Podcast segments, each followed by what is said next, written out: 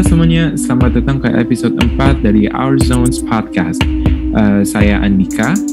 Aku Alek. Dan saya Peri.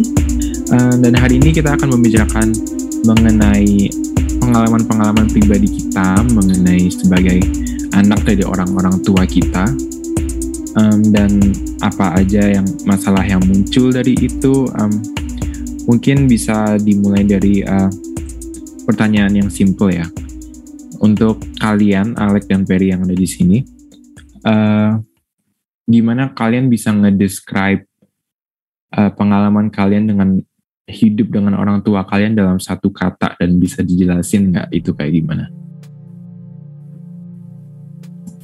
Oke, itu kalau menurutku sih pertanyaannya bagus juga ya. Soalnya gimana kita menggambarkan orang tua kita dalam satu kata sih.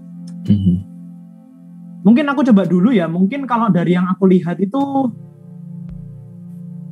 aku tuh dulu pernah pas ngelihat ibu aku karena kan aku tinggal di sini sama ibu, juga di sini sama nenek. Hmm itu aku ngelihatnya mereka ini ada satu kata yang keluar di pikiran cuman aku kok lupa. Kayak sekitar sekitar apa ya? Teratur gitu kali. Teratur kayaknya ya kalau menurut aku sih menurut pengalaman pastinya kalau sama mama suka suka kayak beda pendapat gitu sering kayak sering kayak debat juga kayak masalah sepele juga Padahal sebenarnya masalah sepele cuman karena beda pendapat jadi sering kayak ribut gitu aja sih. Jadi ribet semuanya. Tapi kayak sering kayak gitu nggak? Apa cuman kadang-kadang aja? Uh, sebenarnya sering apalagi kalau misalkan lagi ada yang salah gitu tiba-tiba kayak dibesar-besarin gitu sih. Nah itu reaksinya kayak gimana? Apa tam kamu tambah bakal kesel atau diemin aja kayak gimana cara ngehandle-nya kayak gitu tuh? Uh, kadang kadang kayak kesel kesel gitu kan, cuman kadang juga kayak biarin aja lah udah diemin aja, tapi lebih kayak oh, paling ini mungkin ada benernya juga sih dibilangin kayak gini. Tapi ada gak sih kayak kadang-kadang ketika orang tua kalian tuh kalian tahu mereka tuh salah tapi you know kan pasti mereka nggak selalu bener ya. Tapi momen-momen di mana mereka salah itu pernah nggak sih ngerasainnya? Dan kalian nge-handle nya kayak gimana? Mungkin Alek bisa jawab. Aku kadang-kadang kalau pribadi ya mungkin kita gambarinnya kayak clash gitu. Aku sering sama nenek aku gitu kayak debat kecil-kecil gitu dan ya beliau hmm. mandang aku salah terus aku mandang beliau salah. Cuman aku kalau orang aku kalau sebagai orang itu ya prinsipku itu pokoknya ya aku sampaikan apa yang benar gitu loh. Tapi kalau semisalnya harus sampai kayak kalau istilahnya orang Surabaya itu engkel-engkelan kayak kolot gitu loh kayak mempertahankan apa yang kita inginkan gitu ya mending alah ya sudahlah. Kayak mengalah untuk menang gitu loh. Kayak sepakat untuk tidak sepakat gitu loh. Makanya aku mikirnya juga daripada ya karena kan ini orang tua orang yang lebih tua literally ya. Aku merasa ya ya sudah deh. Itu mungkin dihormati saja pendapat mereka gitu loh. Kalau kamu tidak suka ya ya sudah gitu. Kalau Andika sama Perry sendiri orang tua kalian gimana pas kalian kecil? Kita kayak ngomong misalkan TK atau 1 2 SD gitu ya kelas 1 2 SD gitu orang tua kalian itu di rumah itu gimana? Bantu kalian belajar atau nemenin kalian main main-main atau nonton TV gitu? Kalau dulu waktu kecil sih ya paling nemenin nonton TV terus kayak ngajarin masak gitu um, ya aku juga sama sih. Cuman rada rada uh, gimana ya? Kan orang tua aku udah cerai gitu ya jadi aku hidupnya sama ibuku gitu. Tapi pas kecil tuh ada bapakku dan uh, biasanya sehari-hari gitu pas di Surabaya pas Jakarta juga gitu tapi lebih uh, kurang ketemu sama bapak. Jadi ya untuk sehari-hari gitu ya ya kayak kayak kalian juga makan bareng terus nonton TV bareng gitu. Dan kadang belajar bareng tapi ada hal-hal traumatis juga aku inget tuh pas belajar bahasa Inggris. Sekarang udah jago bahasa Inggris ya. Tapi dulu pas belajar bahasa Inggris pertama-tama itu aku inget banget nih. Um, aku lupa bahasa Inggrisnya sepak bola itu apa. Kan bahasa Inggrisnya itu soccer ya. Nah itu nggak tahu tuh pas itu. Karena kan masih kecil masih kayak enam tahun gitu. Nah saking ibuku tuh saking keselnya dia masukin aku ke kamar mandi lampunya dimatiin terus Hah? Eh, pintunya dikunci. Nah itu pas aku masih kecil jadi aku teriak-teriak kayak pas itu manggil siapa pun kayak keluarin keluarin keluarin gitu-gitu. Dan aku kira pas aku kecil itu kayak cuman aku doang kan. Ternyata recently uh, aku lihat di TikTok Twitter gitu ternyata anak-anak lain juga dapat hukuman yang sama ternyata dimasukin ke kamar dimasukin ke mandi. toilet? Ya kalau kalian gitu juga nggak? Kayak hukuman dari orang tua kalian yang paling terberat atau terkecil tuh apa aku kalau mau nginget satu cerita dulu aku inget banget sih pas aku kan dulu aku dulu pas masih kelas 1 2 itu kan ikut renang kan dan satu malam ini kalau nggak salah hari Kamis gitu aku main-main sama satu cewek ini yang aku ketemu namanya Laras. Kita sempat main-main gitu. Dan akhirnya kayak nggak latihan renang dengan benar. Dan aku tuh nggak taunya pas pas aku lagi latihan renang itu ternyata ada ayah aku nunggu dan Mhm. lagi bawa mainan Buzz Lightyear karena barusan beli tadi barusan beli tadi pas habis pulang kerja kan terus kayaknya gara-gara ngelihat aku itu nggak renang dengan baik itu akhirnya ayah ayah bilang dengan nada marah gitu aku Mhm. nangkepinnya waktu itu nada marah sih ini ayah keep kemainan Buzz Lightyear-nya itu selama dua minggu. Kayaknya ya gara-gara aku kayaknya gara-gara aku pas renang itu nggak nggak bener juga sih. Tapi aku nyolong-nyolong lah. Aku gara-gara kepingin banget main Buzz Lightyear-nya itu yang Hmm. disimpan di atas lemari kan aku coba mainin. Udah satu minggu udah aku ambil coba aku mainin. Tapi ayahku kayak seingatku nggak ngapa-ngapain. Malah kayak bantu masangnya gitu biar bisa main. Tapi nggak gimana ya aku aku mikirnya yang dari hukuman yang tadi kan Andika kan bilang kan dikunci di kamar mandi dengan lampu ditutup kan itu Iya. soalnya se, se- soalnya sepengalamanku tuh aku nggak pernah dengar kalau ada kebiasaan kayak gitu dan ternyata Kok Mhm. sesuai ceritamu tadi kan itu ternyata sering gitu loh itu Iya. aku penasaran tuh kebiasaan dari mana coba kayak itu tuh kalau menurut aku sih sudah kalau kalau semisalnya bullying itu ada dalam parenting ya oh, itu bisa masuk jadi bullying sih Ya, eh, gimana ya? Setuju nggak kalau itu bullying? Kind of kayak rada setuju, tapi ya gimana ya? Itu kayak udah jadi budaya anak-anak Indonesia banyak gitu loh, kayak hukumannya yang ya hukuman itu sebenarnya hukuman yang nggak berat gitu, dimasukin kamar mandi, lampunya dimatiin dong. Cuma kan kita masih kecil gitu ya, jadi kita kayak teriak-teriak dimasukin ke ruangan gelap sendiri gitu. Tapi apalagi ah, ini sih apalagi soalnya kita kalau pengalamanmu tadi kan berarti kan pas masih usia enam tahun kan Iya. usia enam tahun kayak gitu tuh menurut aku tuh di ditakut-takutin kalau dimasukin dimasukin kamar mandi dikunci gitu jatuhnya kayaknya sih ya antara apa sih namanya child abuse kayaknya ya Hmm, maybe. Tapi kayak definisi child abuse itu kan kayak dark gitu ya, yang benar-benar gelap gitu. Tapi ya gimana ya, itu kayak sekarang udah nggak apa-apa gitu kayak nge- nginget memori itu balik cuma kayak hal lucu aja gitu, nggak nggak nganggep child abuse gitu. Tapi juga ada beberapa momen di mana orang tua gue, orang tua aku tuh kayak aku inget lagi itu pas SD. em, itu kan pas SD dulu ada tugas kayak main plastisin play-doh gitu ya dibikin jadi kayak hewan gitu-gitu ya. Nah dulu itu aku dibeliin mainan play-doh. Kalian tahu play-doh nggak? Tahu nggak? Oh tahu tahu. Iklannya kan Hmm. sering itu pas di TV Iya. dulu kan. Yang kayak plastisin gitu ya. Nah kan itu ternyata kan mahal ya. Nah aku kan nggak tahu itu mahal pas itu kan masih kecil gitu nggak terlalu ngerti konsep mahal murah gitu. Cuman taunya duit aja. Nah. Iya iya iya. Um, bener. Bener bener. Iya kan? Nah dulu jajan. Iya, iya itu banyak banget. Nah dulu itu pas tugas itu Play-Doh, Play-Dohnya tuh hilang, nggak tahu ke mana gitu kan. Jadi aku nggak terlalu ngerti kayak ke mana gitu. Nah jadi aku cuma minta kayak ya kan karena tugasnya wajib bawa plastisin, aku minta ke ibu aku kayak "Eh, bu beliin plastisin dong kayak nah, aku cuma ngiranya tuh malam yang plastisin malam yang dijual di tempat fotokopian yang lima ribuan gitu loh. itu kan murah gitu beliin itu aja gitu tapi enggak sama ibu aku tuh dianggap bener-bener serius kayak ah playdoh kamu ke mana? Kenapa nggak pakai itu aja? Kayak jadi aku jamnya hilang bu kayak nggak tahu ke mana.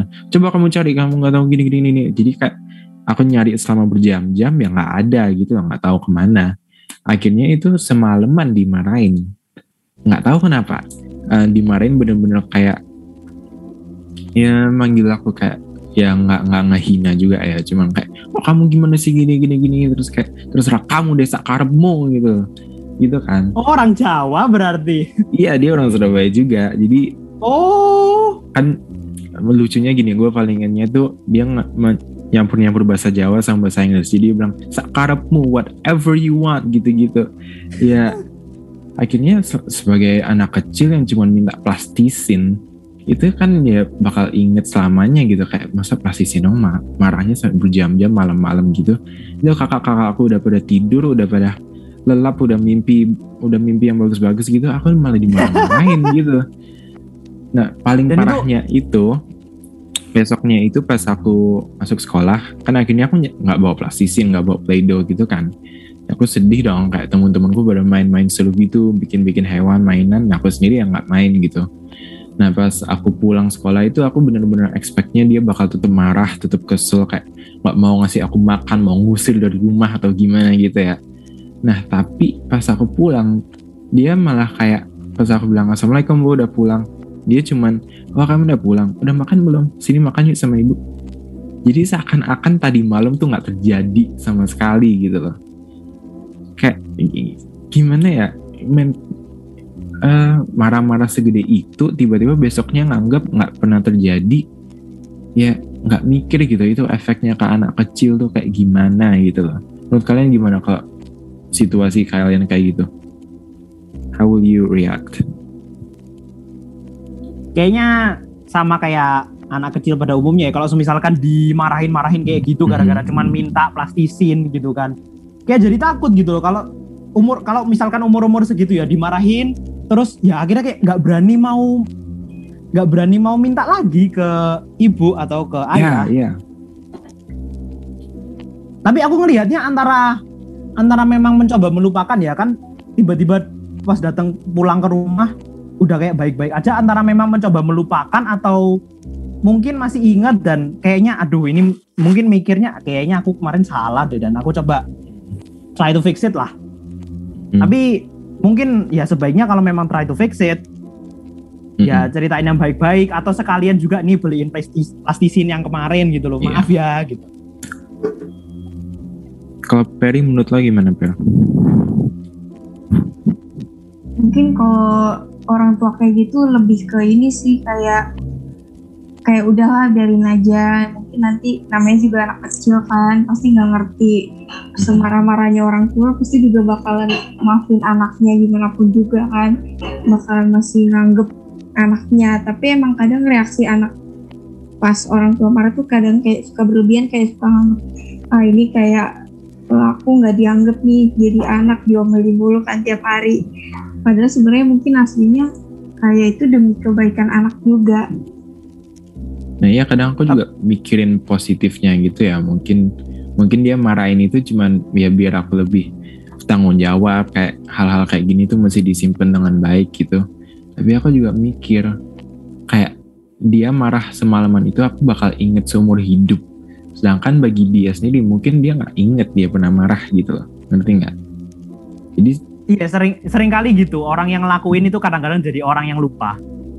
Ya, jadi eh, gimana ya? Bukan trauma, karena trauma itu hal yang berat ya. Tapi I think bisa dibilang setelah kejadian itu terjadi itu semacam respons trauma seumur hidup gua ke itu dan nggak cuma itu doang gitu loh. Karena pas dimarahin itu aku cuma bisa diem. Kayak aku nggak nangis, nggak nggak marah balik, nggak nggak nyolot, diem doang gitu loh. Ya itu akhirnya gara-gara kejadian kejadian itu setiap kali aku shock dimarahin gitu gitu, ya karena pas itu aku cuma mikir mau ngomong apa dan nggak tahu mau ngomong apa karena nggak ngerti. Plastisin doang hilang tiba-tiba aku dipanggil goblok. Eh, mikirnya gimana gitu loh. Jadi to the point sampai setiap kali dimarahin itu bisanya diem. Kayak ya mungkin kan aku orangnya pendiam gitu ya apa bisa dibilang karena efek dari itu atau enggak tapi ya nggak tahu tapi kalau dari pengalaman kalian sendiri itu apa pengalaman kalian yang dari orang tua kalian yang benar-benar ngebentuk personality kalian sekarang ini ada nggak? Hmm.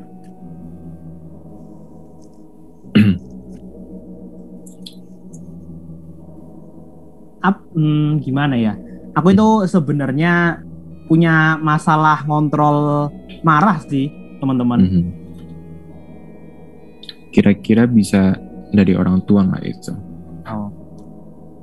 Bukan dari sebenarnya bukan dari orang tua, soalnya kayak aku tuh sudah emang gampang banget marah, bukan bukan gampang marah sih, tapi sekalinya marah gitu kayak langsung meluap gitu loh. Dan aku baru ngerasain beberapa waktu ini tiap kali aku marah gitu kan itu meskipun kamarku di atas terus orang-orang yang lain pada tidur di bawah itu tapi kedengaran sampai bawah. Dan Hmm.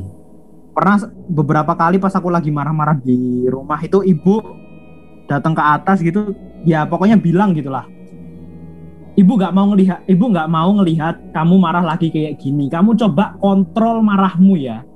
Bukan bukan dengan marah bukan dengan kayak nada marah gitu tapi ya pokoknya memperingatkan dengan tegas gitu loh Mhm. jadi akhirnya dari aku nganggap itu kayak permintaan ibu buat aku itu supaya nahan marahmu gitu loh. Beliau Hmm. kayak meminta aku biar nahan marah dan akhirnya sekarang aku kayak kebawa gitu loh, mencoba untuk menahan marah ketika mau nyoba marah gitu. Mhm. So far kayak berfungsi nggak? Dibilang kayak gitu bener-bener nahan marahnya kayak sebagus apa? So, so far menurutku berfungsi sih. So tapi dalam artian aku itu mikir kalau aku mau marah itu aku malah kepikirannya itu nanti kalau marah ibu nanti negesin kayak gitu nanti Hmm. malah juga ikutan marah Mhm. Jadi akhirnya nahan marahnya itu bukan karena untuk melatih diri supaya nahan marah, tapi karena menjaga supaya ibu itu nggak marah. Hmm. Perry menurut lo itu gimana? Kalau kalau kalau menurut aku sih kalau menurut aku sih itu ada benernya ada bagusnya juga sih. Jadi bikin kontrol emosi. Tapi kan jadinya kayak bikin kepikiran juga gak sih? Gara-gara orang tua jadi ngebikin ngebentuk jadi kayak begini. Hmm. Aku nanggepinnya kalau semisalnya kayak gitu tuh alasan untuk menjaga marahnya itu jadi kayak keliru gitu loh. Yang harusnya untuk memang untuk menahan diri malah jadi kepikiran ya alasannya keliru aja. Hmm, ya jadi karena ya. karena orang tua kan jadinya mikirnya Tapi sebenarnya perilaku perilaku orang tua yang kayak marah-marah kayak tadi itu Hmm. tapi sebenarnya kalau ngelihat pengalaman-pengalaman orang-orang tua yang marah gitu ya aku tuh sering beberapa kali sih baca kayak berita-berita gitu tentang parental abuse gimana orang tua yang abusive ke anaknya gitu ini ada mungkin ceritanya agak keras ya ini. Aku mungkin izin dulu ya, soalnya mau cerita keras juga gitu. Gak apa-apa Ya, kan ya? Silakan, silakan, silakan. Go ahead. Ini ada satu berita gitu. Aku baru baca, aku baca sekitar September kemarin. Ini kejadiannya Agustus tahun lalu kan. Ada satu anak di Tangerang gitu. Dia lagi dia lagi belajar online kan. Tapi dia itu nggak paham. Dia nggak paham materinya gitu dan mungkin nggak tahu kenapa ya. Mungkin karena sinyalnya jelek atau emang dia nggak paham atau gurunya yang salah. Aku nggak tahu. Cuman di berita itu diceritain kalau dia ngadu ke ibunya kalau dia itu nggak paham. Tapi terus ibunya itu malah marah dan akhirnya itu kalau bahasa jurnalistiknya itu menganiaya dan digambarkan itu dipukul pakai sapu terus sampai badannya diangkat terus dibanting gitu, dibanting ke lantai. Ini kalau nggak salah usianya sekitar SD ya, kelas 1 SD gitu. Dan akhirnya gara-gara dipukul-pukul dan sampai kepalanya dihantam-hantamin ke lantai itu akhirnya meninggal si Oh. anak ini. Hmm. Terus ayahnya pulang dan Hmm. begitu ngerti kalau anaknya ternyata meninggal ini dibawa dari Tangerang ke ke Lebak akhirnya di, dikubur di satu pemakaman gitu. Malam-malam kan malam-malam berangkat. Ternyata besok paginya itu ketahuan kalau ada kuburan baru. Terus ternyata dilacak sama polisi. Akhirnya ketemulah ah, bapak ibu ini akhirnya kayaknya diproses apa-apa gitu. Itu tuh parah banget. paling paling aku ingat itu dan aku rasanya paling miris gitu loh. Karena hanya gara-gara nggak paham belajar bisa sampai mukul-mukul dan banting-banting itu kan perilaku dibandingkan dengan orang-orang yang lain ya orang tua yang lain ya. Itu terlalu terlalu kelewat batas. Dan sampai sekarang itu aku miris gitu loh kayak tiap-tiap nginget itu ya kok bisa sampai kayak gitu? Hmm. Kayaknya itu karena kayak eh dari pengalaman-pengalaman orang tua zaman sekarang itu dan zaman dulu juga itu orang tua tuh mau jadi orang tua karena harus aja kayak semacam kewajiban gitu. Jadi kadang mereka secara mental belum belum oke masih nggak bener orangnya tapi udah memaksa jadi orang tua gitu loh. Jadi oh sampai iya iya sampai Mhm. emosi mereka mereka belum bisa ngehandle dengan baik mentalnya masih jauh dari oke terus sekarang mereka harus melahirkan anak baru ke dunia ini dan menjadikan dia anak yang baik gitu padahal orang tua sendiri tuh nggak nggak baik sama sekali dan itu kayak salah satu hal yang bikin aku tuh bener-bener mikirin tentang jadi orang tua tuh itu. Kayak kalau kita sendiri nggak bener anak kita sendiri bakal otomatis nggak bener juga gitu loh. Dan apa um, kira-kira gara-gara mindset ya? Ada mungkin beberapa kalangan orang tua gitu mikirnya setelah nikah ayo punya anak. Tapi kayak ya. kayak semacam mereka mikirnya sebagai pola hidup yang natural-natural aja. Mereka nggak mungkin mereka nggak mikir kalau ya we can we can choose to not have children. Nah iya, kalian mau nggak punya anak Alex sama Barry? aku sih mau-mau aja tapi tentu ya bagaimana caranya dari ngelihat pengalaman dari beberapa orang tua termasuk orang tua yang tadi itu aku ya agak was-was gitu loh. Aku takut soalnya gimana kalau misalnya ternyata aku jadi orang tua yang abusif gitu baik verbal maupun Hmm. kayak sampai mukul-mukul gitu. Aku tentu menghindari itu Kalau kalau aku sih mau-mau aja. Tapi pastinya bakalan lebih mempersiapkan diri buat ke depannya kayak gimana biar biar nggak biar nggak terjadi hal-hal yang nggak yang nggak dipengenin gitu. Hmm. Kalau aku sih bukannya kayak nggak mau banget gitu ya, tapi nggak mau bukan karena bukan karena menurut aku aku nggak bisa ngebesarin anak gitu, tapi saking traumanya dengan kayak gimana kalau misalnya aku ngelakuin sesuatu yang aku sendiri nggak inget, sedangkan sama anakku itu bakal dibawa seumur hidup gitu loh. Kayak misalnya aku cuman mukul mereka sekali, nggak mukul yang nggak mukul yang nggak jelas, cuman kayak "Hah, mukul main-main doang gitu tiba-tiba mereka bakal ngebawa itu ke ke sampai mereka dewasa sampai mereka anak itu bener-bener diingat gitu loh aku bener-bener mikirin gitu gimana kalau misalnya hal itu terjadi. Tapi I think uh, kan itu negatif ya. Tapi itu juga bakal ada positifnya juga gitu. Kadang uh, ada hal-hal yang orang tua kita lakuin yang bagi mereka tuh cuma kayak gitu-gitu aja tapi kita ingat seumur hidup gitu. Kalian ada nggak sih pesan dari orang tua yang yang kalian bakal inget seumur hidup tuh ada nggak? Kalau dari sisi aku sih, aku selama aku bersyukur banget sih selama aku tinggal sama ibu aku ini nggak nggak pernah sampai ibu itu marah sampai yang meluap-luap sampai yang mukul-mukul gitu. Soalnya beliau kayak belajar dari pengalaman gitu untuk aku sudah merasakan bagaimana kerasnya dididik dengan pukulan dan dengan teriakan-teriakan kayak gitu. Jadi aku memutuskan untuk tidak melakukan hal yang sama terhadap anakku dan aku ngelihat itu patut dicontoh banget itu sebagai orang tua ya. Dan kalau misalnya nanti aku jadi orang tua, aku akan berprinsip seperti itu untuk tidak sampai memukul anak, mendisiplinkan diri no matter what gitulah. Right. Soalnya juga pasti dari pembahasannya Andika tadi kan ada trauma pasti ada trauma yang lekat di kita sebagai anaknya gitu loh dan siapa Iya. tahu juga nanti akan jadi lingkaran setan gitu orang tua Iya ya orang tua orang tua abuse ke anaknya nanti ketika anaknya itu sudah tumbuh dan punya anak nanti siapa tahu abuse juga ke dia Iya, iya, jadi pola gitu. Heeh.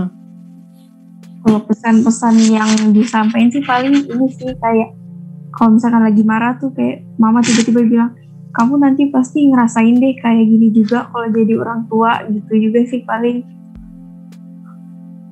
Kalau aku sih mungkin kayak hal pesan yang paling penting itu em, kita bakal selalu dapat konsekuensi dari semua hal yang kita dapat gitu.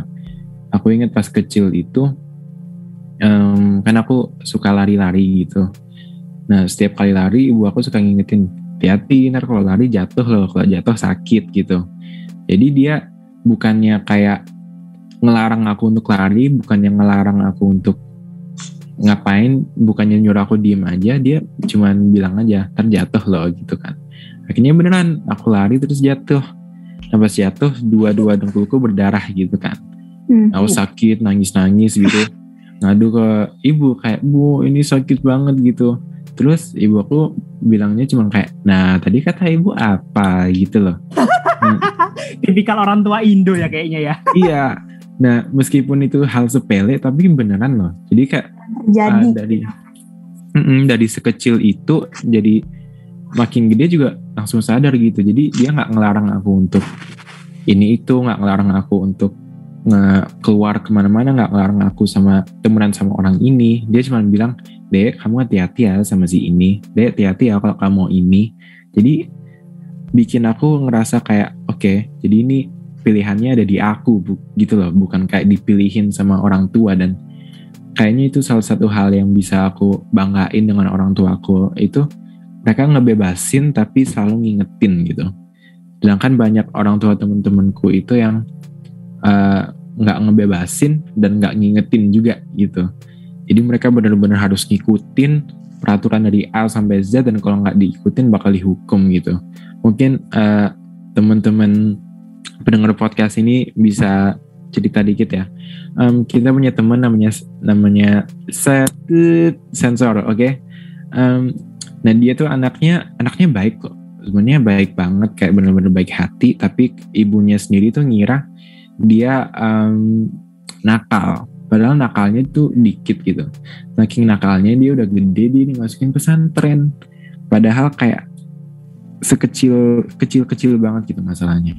Iya, em, jadi sekarang se- ketika aku udah tumbuh besar, aku sekarang sadar tentang konsekuensi hidup gitu.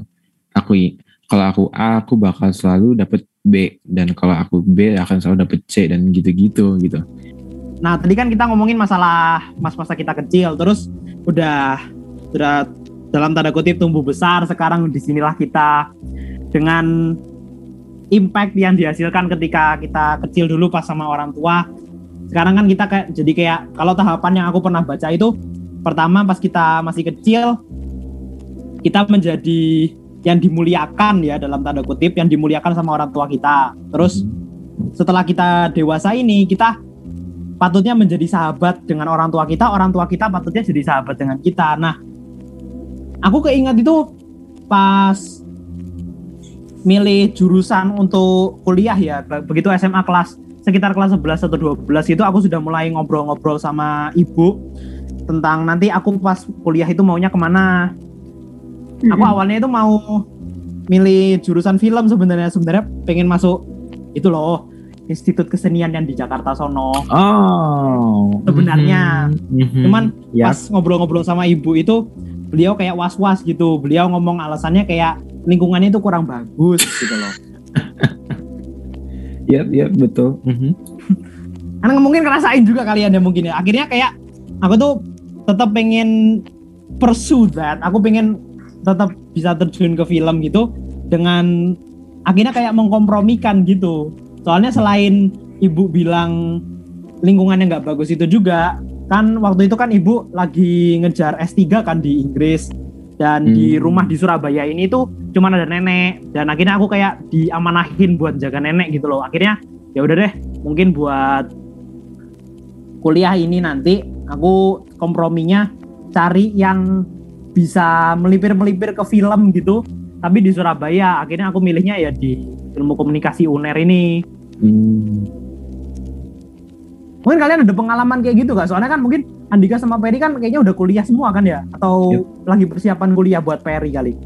Mungkin kalian kayak Ferry gimana Fer? Kalau buat aku sih kayak awal-awal sih kayak mas ke pas pas SD itu kan aku kan sekolahnya di Jakarta jadi dari Depok ke Jakarta. Nah pas SD ini nih mama ini pengennya kayak aku tuh sekolahnya di Jakarta, Jakarta, Jakarta terus kan. Jadi pas udah dapet sekolah di Depok itu kayak di, di dimarahin gitu kan sempat dimarahin kamu mendingan sekolah di Jakarta aja karena kan ya begini kan kayak gampang masuk masuk SMA-nya kan gampang. Tapi kayak makin lama makin kayak udah kuliah SMA tapi kayak udah dibebasin aja gitu terserah deh mau kamu mau milih yang mana kayak aku sendiri yang bakalan bakalan eh sebentar gue eh, bakalan nentuin mau masuk ke mana gitu Kayaknya aku juga Akhirnya- sama deh. akhirnya sekarang Peri ke mana sekarang? Udah kuliah kan ya? Keterima di mana? udah sekarang di sekarang sih di Telkom di masuk ke jurusan DKV. Uh, uh bagus itu.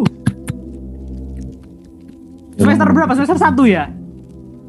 Udah semester 3 Ya, Oh, oh iya, iya oke, oke, sorry, sorry. oh ya, sorry, sorry. itu tapi Aduh. pilihan buat pilihan buat ke Telkomnya itu dibilangin juga ke ibu ya? Iya, Ibu atau ayah? Mama atau papa? eh, dua-duanya sih dibilangin. aku juga sama sih. Pas uh, pas SD, SMP gitu biasanya dipilihin. Pas SMP itu aku inget kan uh, bingung ya mau masuk mana gitu.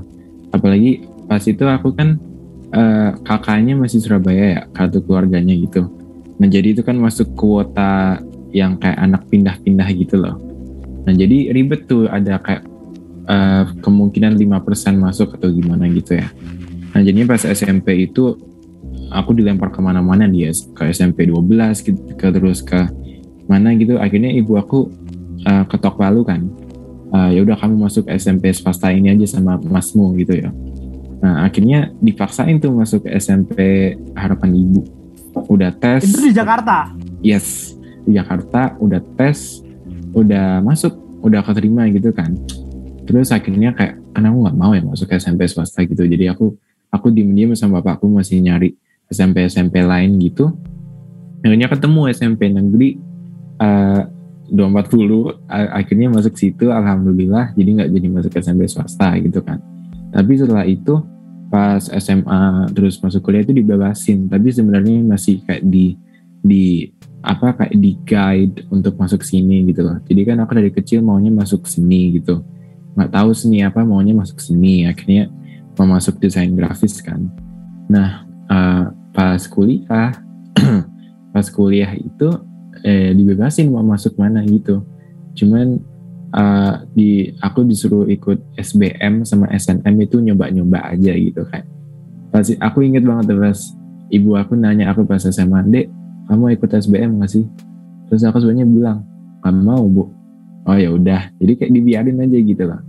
Akhirnya nyoba-nyoba aja buat main nembak, nggak keterima, terus masuk IKJ deh. Em, dan IKJ itu kemauan aku sendiri dan kayak ya maunya masuk situ aja ya akhirnya masuk situ gitu. But yeah, so far ya kayaknya sekarang tuh aku dibiarin aja deh, ngapain aja dan nggak di luar pendidikan doang gitu kayak di masalah personality, masalah hal-hal yang aku suka, musik dan uh, fashion gitu-gitu aku dibebasin mau suka ini ya udah suka aja gitu.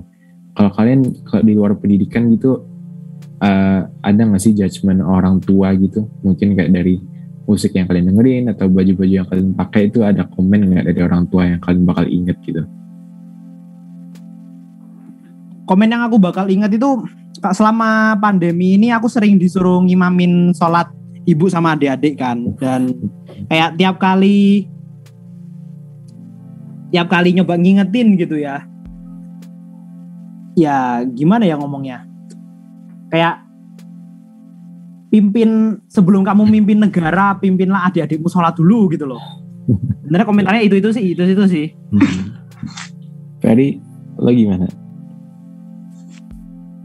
Kalau mungkin komentar yang paling sering dikeluarin mama itu paling kenapa sih bajunya itu itu aja? Kan ada baju lain. Tapi kan aku kan kayak sukanya kayak kalau udah suka sama baju ini bakalan aku pakai terus. Apa sih hal-hal yang kalian mau sampaikan ke orang tua kalian kayak simple-simple aja kayak tiga kalimat gitu. Apa yang mau kalian sampaikan ke orang tua yang mau kalian dengerin? Eh yang mau yang mau kalian sampaikan pokoknya apa?